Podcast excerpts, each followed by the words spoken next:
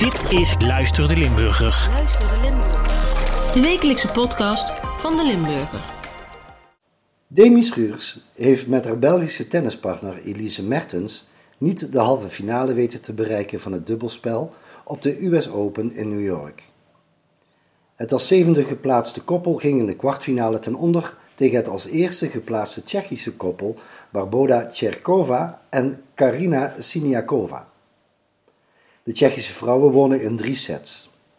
Na het winnen van de eerste set waren Schuurs en Mertens twee punten af van de zege in een tiebreak van de tweede set. Uiteindelijk wonnen eerste reekshoofden de spannende tiebreak met 9-7. Schuurs is ondanks deze nederlaag bezig aan een uitstekend seizoen.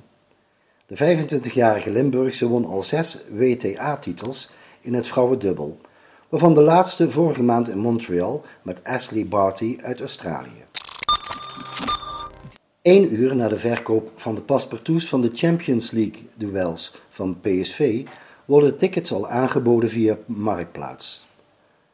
Donderdag ging om 9 uur de kaartverkoop van start. Inmiddels worden ze voor het driedubbele aangeboden. PSV is op de hoogte dat er tickets worden aangeboden op onder andere Marktplaats en via GoGo. In een verklaring laat PSV weten dat de supporters die zich hieraan schuldig maken een stadionverbod boven het hoofd hangt. Daarnaast adviseert PSV supporters om die kaarten niet aan te schaffen, omdat de kans groot is dat je ongeldige of valse kaarten voor een zeer hoge prijs bestelt, waarmee je uiteindelijk het stadion niet inkomt.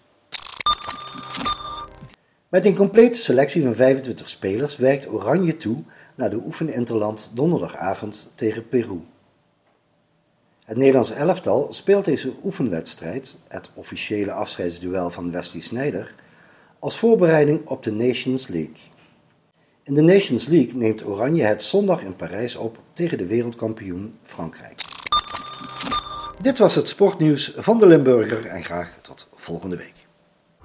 Wil je meer luisteren de Limburger? Ga naar limburger.nl slash podcast.